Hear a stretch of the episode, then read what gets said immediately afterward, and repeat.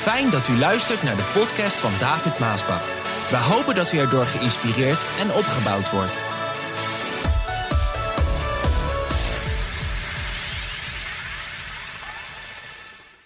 De handelingen van de apostelen, eigenlijk deel 3. De handelingen van de apostelen. En wij lezen vandaag, althans het gaat uit het gedeelte Handelingen 2, vers 5 tot en met 13. Dan ga ik dat niet gelijk nu lezen, daar komen we zo, maar dit is het stuk wat we zullen behandelen, want zo gaan we door dat boek heen. Um, die, die start waar we mee begonnen zijn, is dus de start van de kerk van Jezus Christus. Kerk is een modern woord, sommigen gebruiken daar een ander woord voor. Natuurlijk kan je ook zeggen de gemeente, ik ga naar de gemeente, ik ga naar de kerk. Maar we bedoelen daar hetzelfde mee, dat is een plek, een schaapskooi, een plek waar de schapen samenkomen, waar de christenen samenkomen. Dat is eigenlijk de kerk die daar begonnen is, helemaal in het begin van het boek van Handelingen. Het is dus de start. Dat is heel bijzonder dat wij natuurlijk... Uh, ja, in de Bijbel kunnen lezen over de start van de kerk van Jezus Christus hier op aarde. Want er zijn natuurlijk een heleboel geschiedenis en, uh, en uh, theorieën aangaande de kerk. Ja, wat is de kerk vandaag? Ja, de katholieke kerk. Uh, de, de katholieke kerk is 600 jaar na Christus pas begonnen. En dan krijg je nog de gereformeerden, de protestanten, de hervormen. Dat is allemaal honderden jaren later gekomen. Wij praten vandaag over de start van de eerste kerk van Jezus Christus. En dus spreekt dit gedeelte, dit is dus de start, even quote, start. De eerste, dit is de start van de allereerste boodschap die gebracht werd onder de zalving van de Heilige Geest. Dus je, wij horen vandaag, we spreken vandaag, we lezen vandaag over de allereerste boodschap die gebracht werd onder de zalving van de Heilige Geest toen die was uitgestort. Dat is mooi dat we daar, daarover kunnen lezen, dat we dat kunnen weten.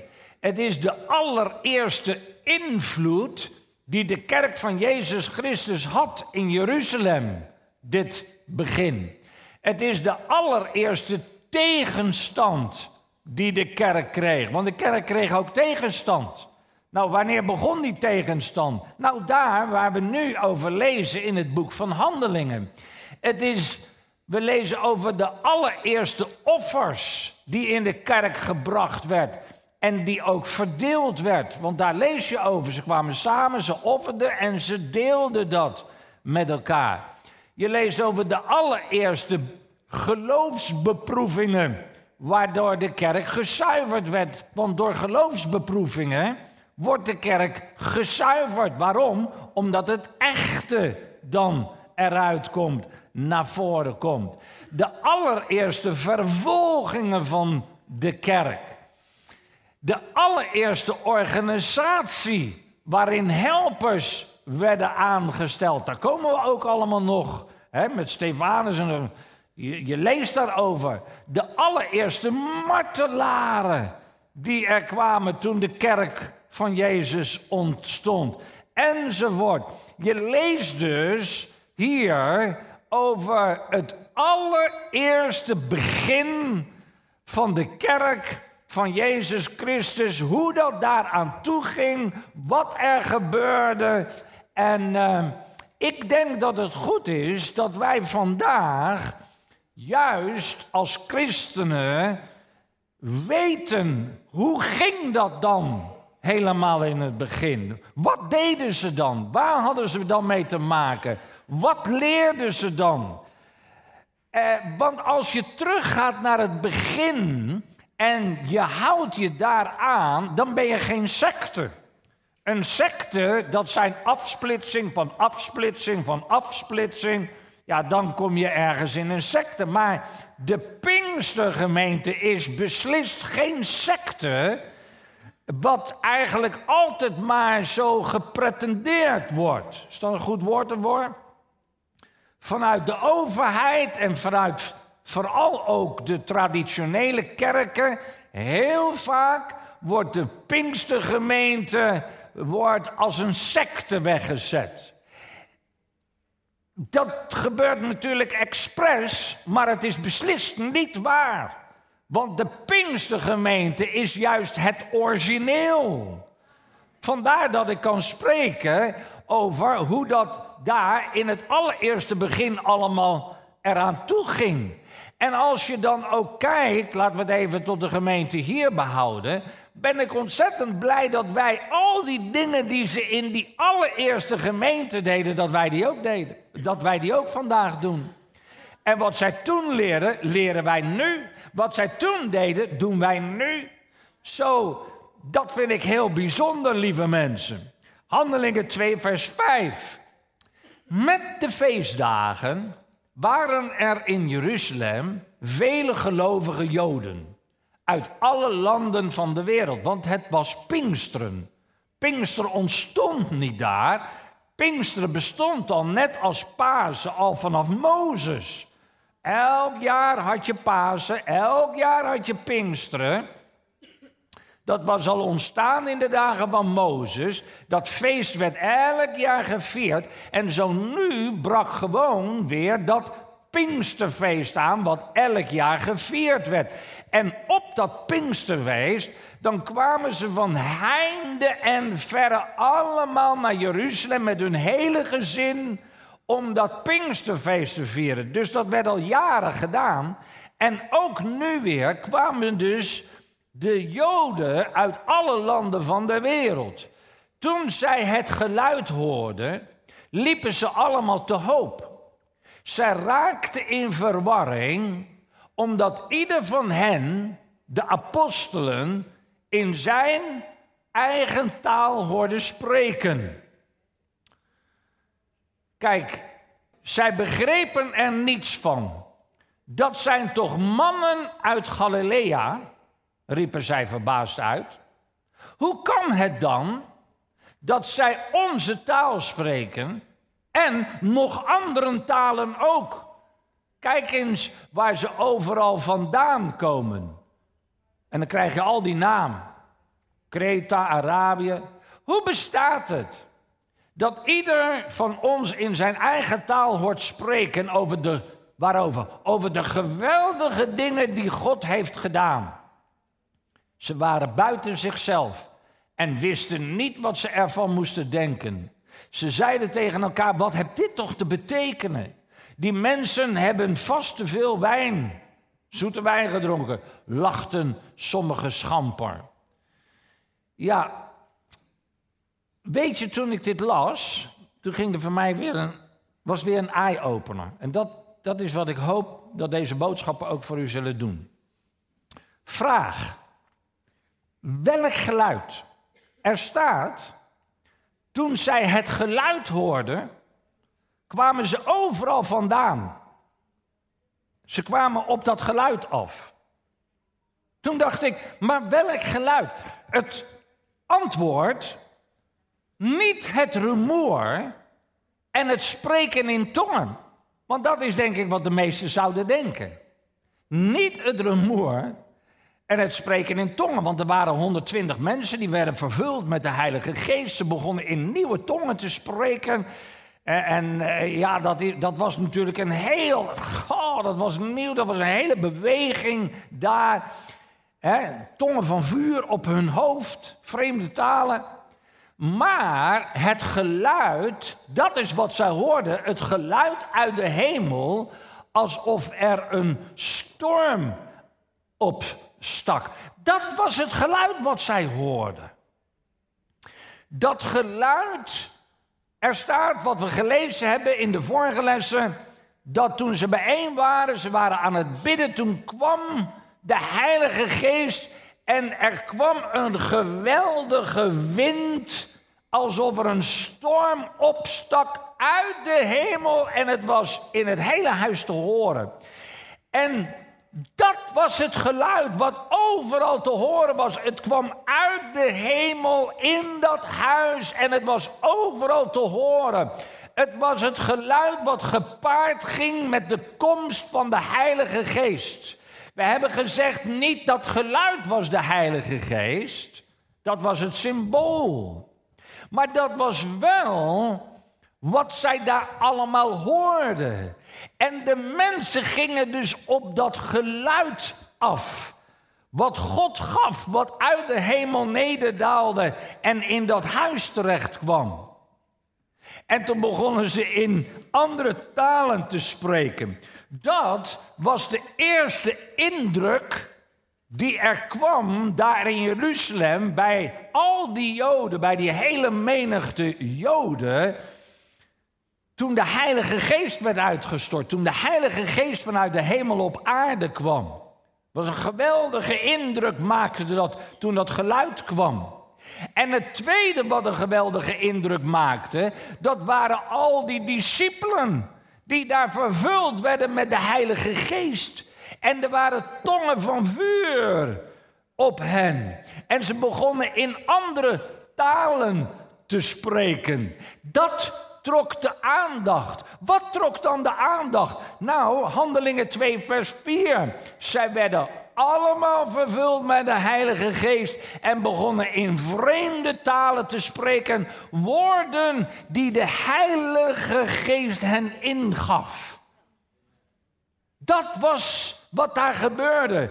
Ze werden vervuld met de Heilige Geest. Het ging die om die ervaring dat ze van top tot teen vervuld werden met dat vuur waar we het over gehad hebben, met de kracht uit de hemel van de Heilige Geest die Jezus Christus daar gaf. En ze begonnen allemaal in andere talen te spreken. Vraag: wisten zij dat ze in andere talen spraken? Nou, antwoord: dat weet ik niet, want het staat er niet. Dus ik kan het niet zeggen of, of ze dat zelf wisten. Vraag: waren zij bekend met de taal waarin zij spraken? Het, het staat er ook niet, maar antwoord: ik denk het niet, want ze aanbaden God uit een hele nieuwe, totaal nieuwe, onbekende inspiratiebron.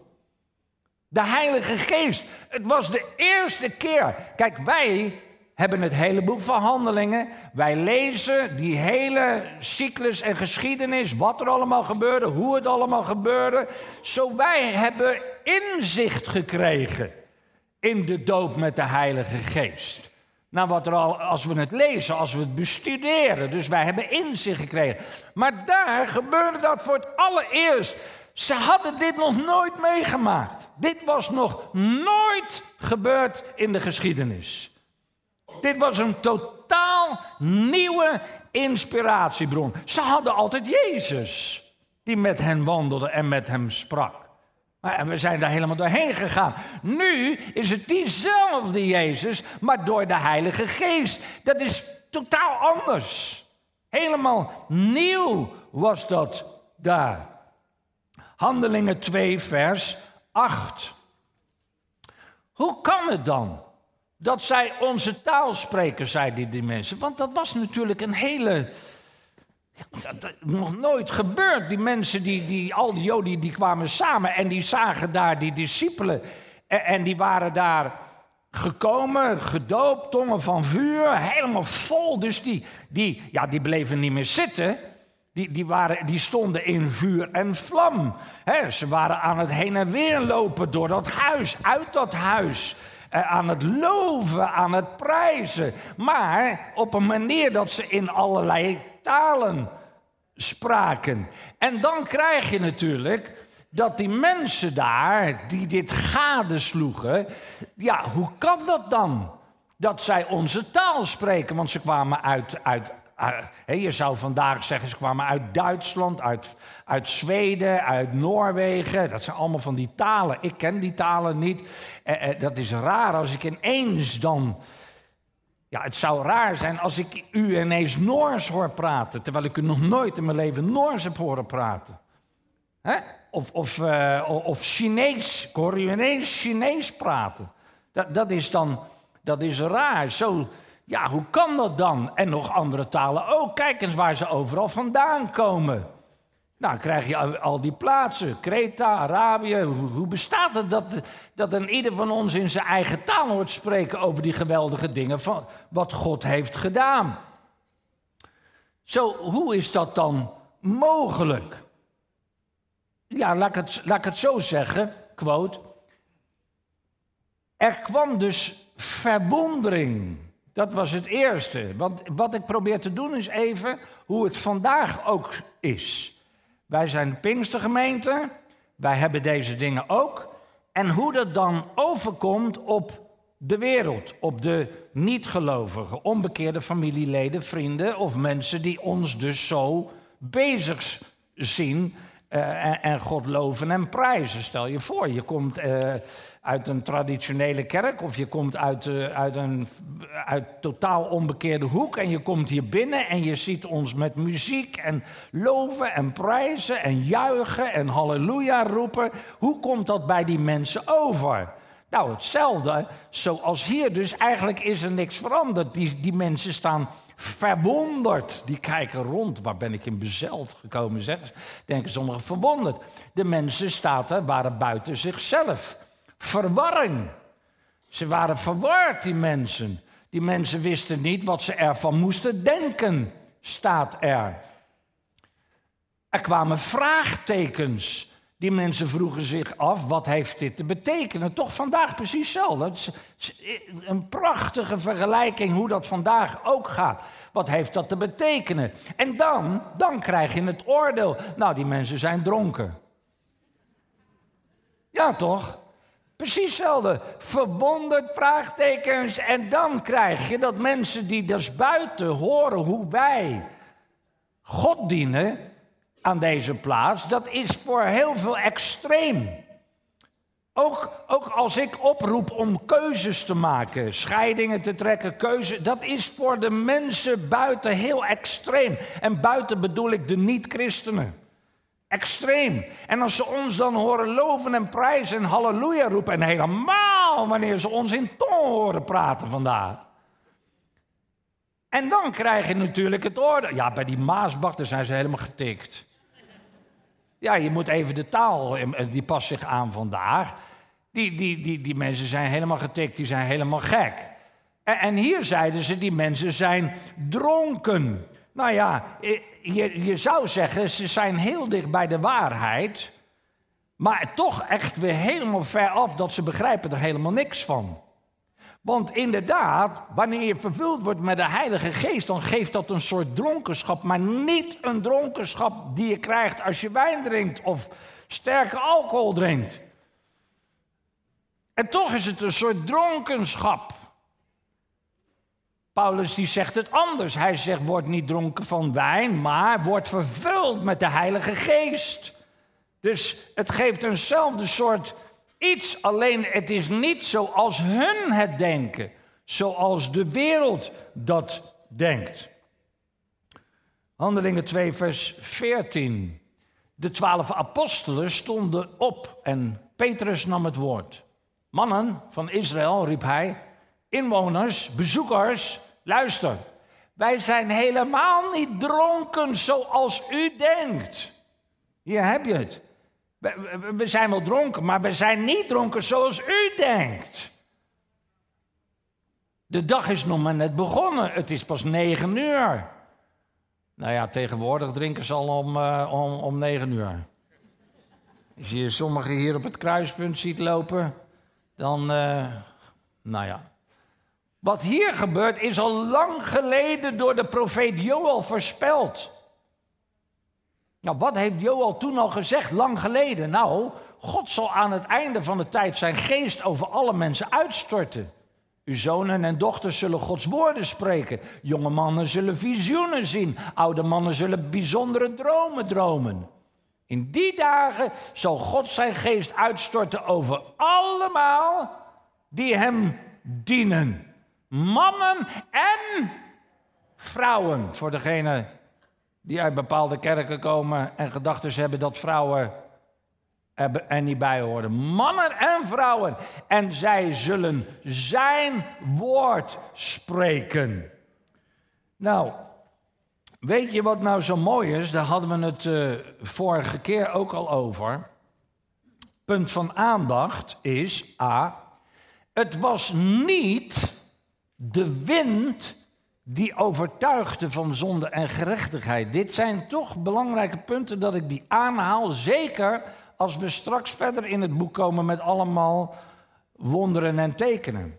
Het was dus niet de wind die uit de hemel en dat lawaai maakte, dat toen die kwam, het was niet de wind die overtuigde daar van zonde en gerechtigheid. B.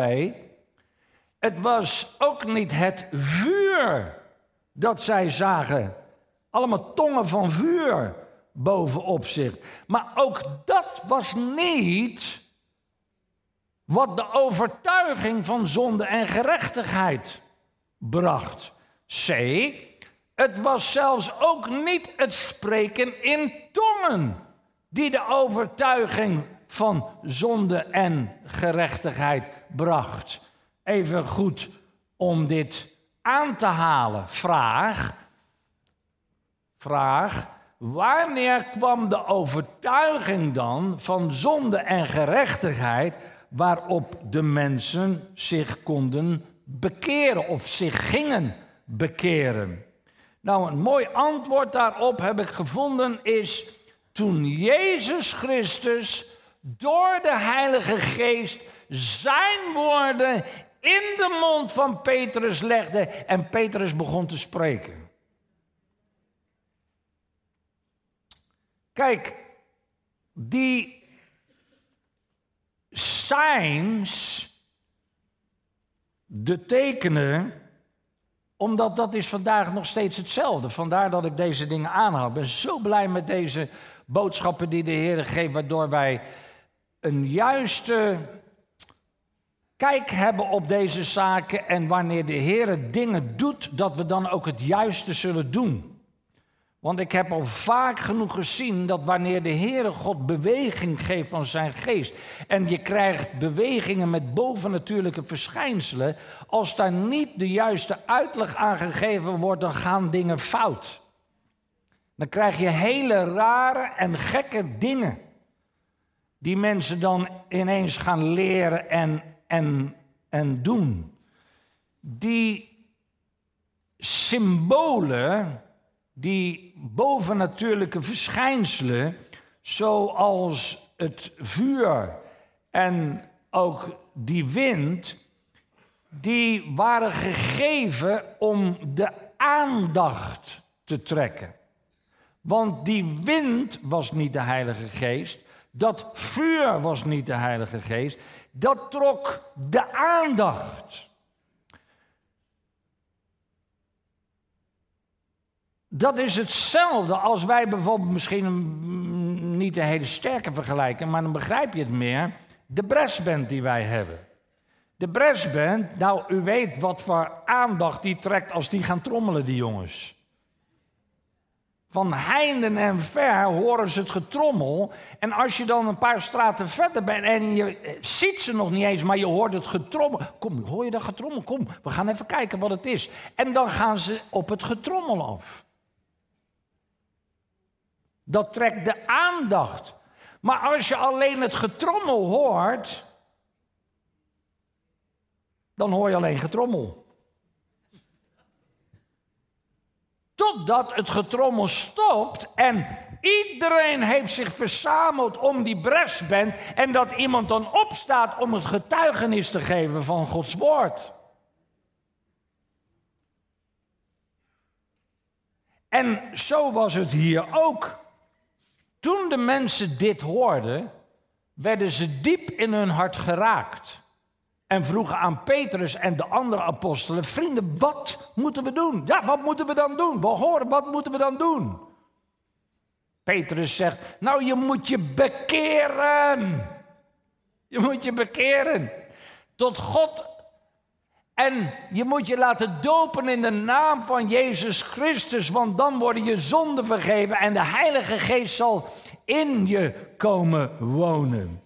Zo, het was dus het moment. Eerst kreeg je de aandachttrekking van de storm.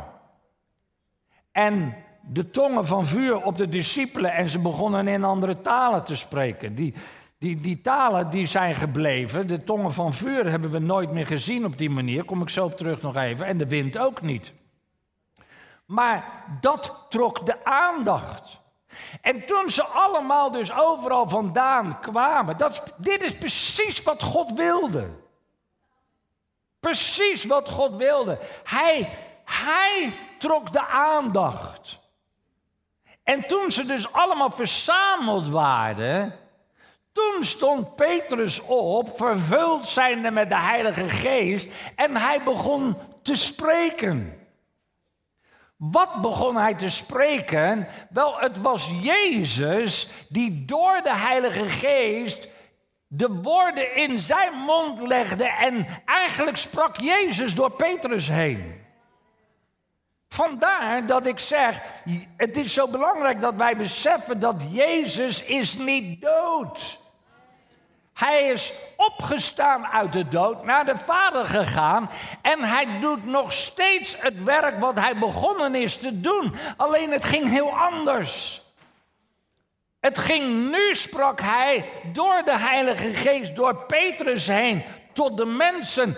En, en toen kwam de overtuiging van zonde en gerechtigheid. Het was dus niet het, de wind wat overtuiging bracht. Het was niet het vuur wat de overtuiging bracht. Het was ook niet het spreken in tongen wat de overtuiging was. Het was the anointed preaching of the gospel through the Holy Spirit. Ja, ik kan niet in Engels gaan preken. Maar soms kan je je krachtige uitdrukken daarin. Nou, dit is belangrijk. Dus die, die, die bovennatuurlijke verschijnselen, zoals het vuur en de, en de wind, uh, dat waren symbolen. Die gebruikte God toen. De tongentaal is gebleven, daar komen we later nog op terug, want het boek van Handelingen gaat daar ook over. Maar die wind en het vuur, dat die bovennatuurlijke verschijnselen, die zijn niet meer gebeurd. En die zullen misschien ook niet meer gebeuren. Maar dat wil niet zeggen dat die bovennatuurlijke verschijnselen niet meer gebeuren. Want dit is juist het mooie grote geheim. Ze gebeuren nog steeds. Want God heeft nog steeds aandachttrekkerij nodig. Zeg ik dat goed? Klinkt niet positief, maar wij hebben die bresband nodig. Wij hebben het getrommel nodig om de aandacht te trekken. En wanneer de aandacht er is, de mensen verzameld hebben, dan komen wij met de preaching of the gospel.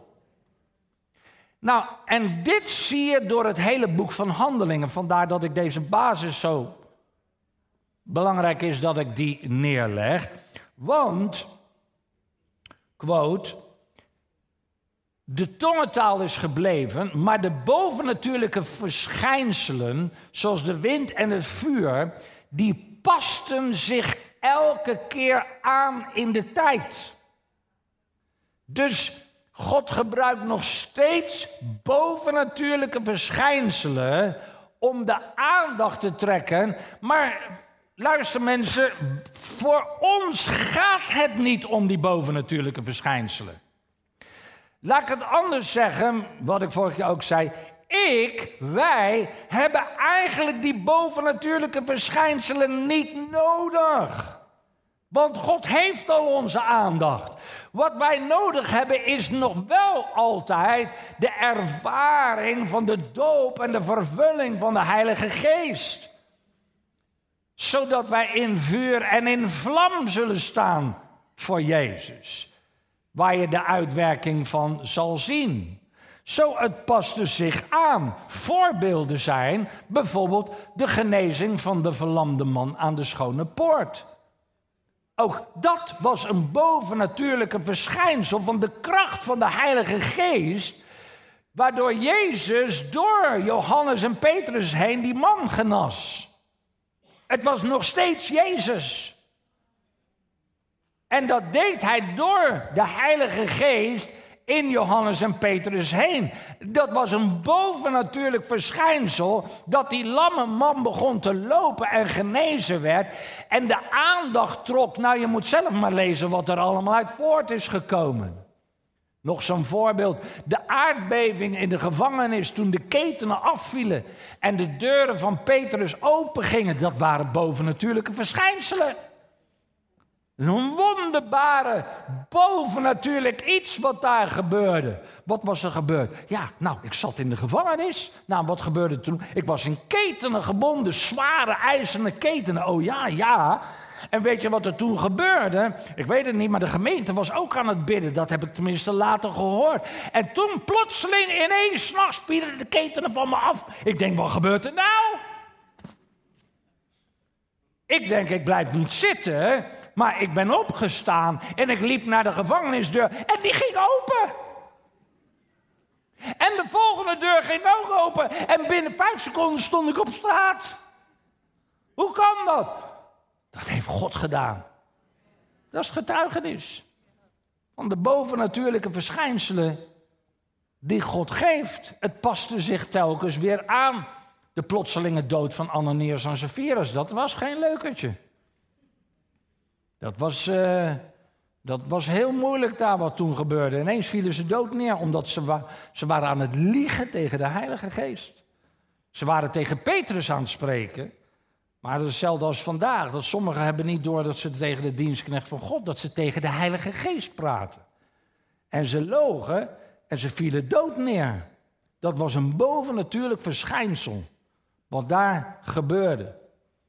De steniging van Stefanus die tijdens zijn sterven Jezus in de hemel zag staan. Ik zie hem staan, riep hij uit. En hij zag Jezus staan. De bekering van Saulus, die een lichtflits uit de hemel zag en hem van zijn paard gooien. Een bovennatuurlijk verschijnsel van de Heilige Geest. Net als het vuur, net als de wind. Ging het dan om, om die lichtflits? Nee, Jezus trok zijn aandacht. Hij stopte, viel op de grond daar. Wie bent u? Ik ben Jezus die je vervolgt. Dat was zijn ontmoeting. Met een bovennatuurlijk verschijnsel. De bestraffing van Simon de tovenaar die de kracht van de Heilige Geest wilde kopen. De schaduw van Petrus die over de zieken kwam en hen genas. Van welke ziekte dan ook. Enzovoort. Nou, daar komen we allemaal nog met wat voor enorm veel bovennatuurlijke verschijnselen daar God werkte en de aandacht trok en eigenlijk voor maar één doel zielen winnen. Dat was het, om zielen te winnen. Dus conclusie, alles waar wij in ons leven en de gemeente op toe moeten zien, zijn niet de bovennatuurlijke verschijnselen. Hoewel ik graag, hoewel ik bid, Vader, geef ons toch ook de bovennatuurlijke verschijnselen. Waarom bid ik dit? Niet omdat ik het nodig heb, omdat ik weet dat Gods geest werkt. Maar om de aandacht te trekken van de niet-gelovigen. Niet voor u, ik bid ze niet voor u. Als je ze nodig hebt, dan moet je nog heel wat leren. Ik bid ze niet voor mezelf, ik bid dat niet voor, voor u. Wij, wij hebben het niet nodig. Wij nemen in geloof aan wat God doet en, en, en wat hij zegt. Maar voor de wereld buiten, Zodat de aandacht getrokken... Joh, je moet nou eens naar die Maasbach toe gaan. Want wat je daar ziet... Niet omdat die bovennatuurlijke verschijnselen het is... maar zodat ze de boodschap zullen horen van het evangelie. En zo, ja, ik bid om die verschijnselen. Niet voor ons, maar voor de niet-gelovigen. Dat we, waar wij op toe moeten zien, dat is dat we allemaal vervuld zullen zijn met de Heilige Geest. Dat is waar wij op toe moeten zien. Niet de verschijnselen, maar dat we vervuld zullen zijn, vol zullen zijn, in vuur en vlam zullen staan voor Jezus Christus door de kracht en de ervaring van de Heilige Geest die op ons, over ons en in ons is gekomen. Ja, waarom? Zodat Jezus door ons heen ook vandaag bovennatuurlijke verschijnselen kan bewerken. Waarom? Om de aandacht van de wereld te trekken. Waarom? Zodat ze zullen komen. Zodat ze zullen komen. En niet, ja natuurlijk komen ze eerst voor die bovennatuurlijke verschijnselen. Die wij niet nodig hebben. Die hun nodig hebben om te komen. Maar om dan het evangelie te horen. Waarom? Zodat ze zich zullen bekeren en gered worden voor de eeuwigheid. Amen.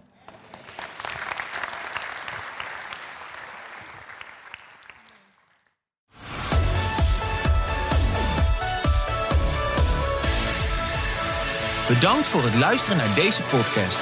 Wilt u meer preken beluisteren? Ga dan naar message.maasbachradio.com. Bezoek ook eens onze website www.maasbach.nl.